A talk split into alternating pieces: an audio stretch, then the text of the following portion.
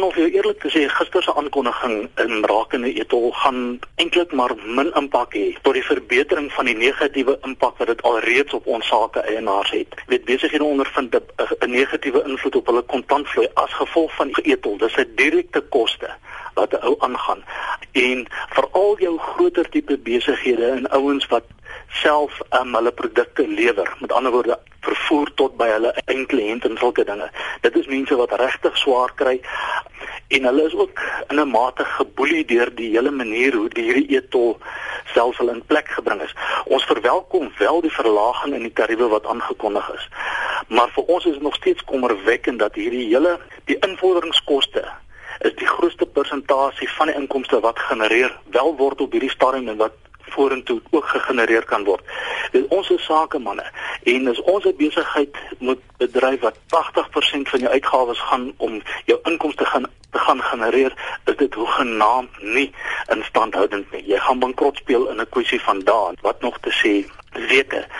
Vir ons wat ook kommerwekkend is, is dat hierdie die hele etol projek nog steeds onder 'n groot sluier van ondeursigtigheid wegkry. Dit is terwyl die regering van sake eienaars in die sake sektor verwag om baie deursigtig te wees um, en aan vele vereistes te voldoen rakende korporatiewe bestuur.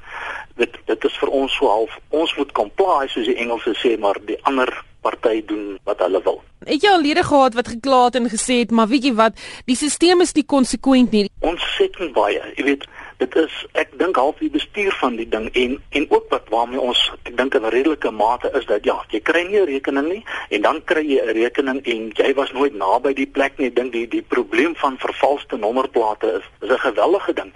En nie sê dis kommerwekkend nie, maar wat dit nou moeilik maak is dat jy as 'n as 'n sake eienaar wat bo verdenking jou besigheid bedryf en bestuur, jy's 'n maklike en 'n sagte teiken. Almal weet waar jy is. Hierdie mense weet waar is jou besigheid. Hulle het jou adresse. En nou jy kan eintlik nie wegkruip of wegkom of dan is onder in plain Afrikaans te sê skelm wees nie.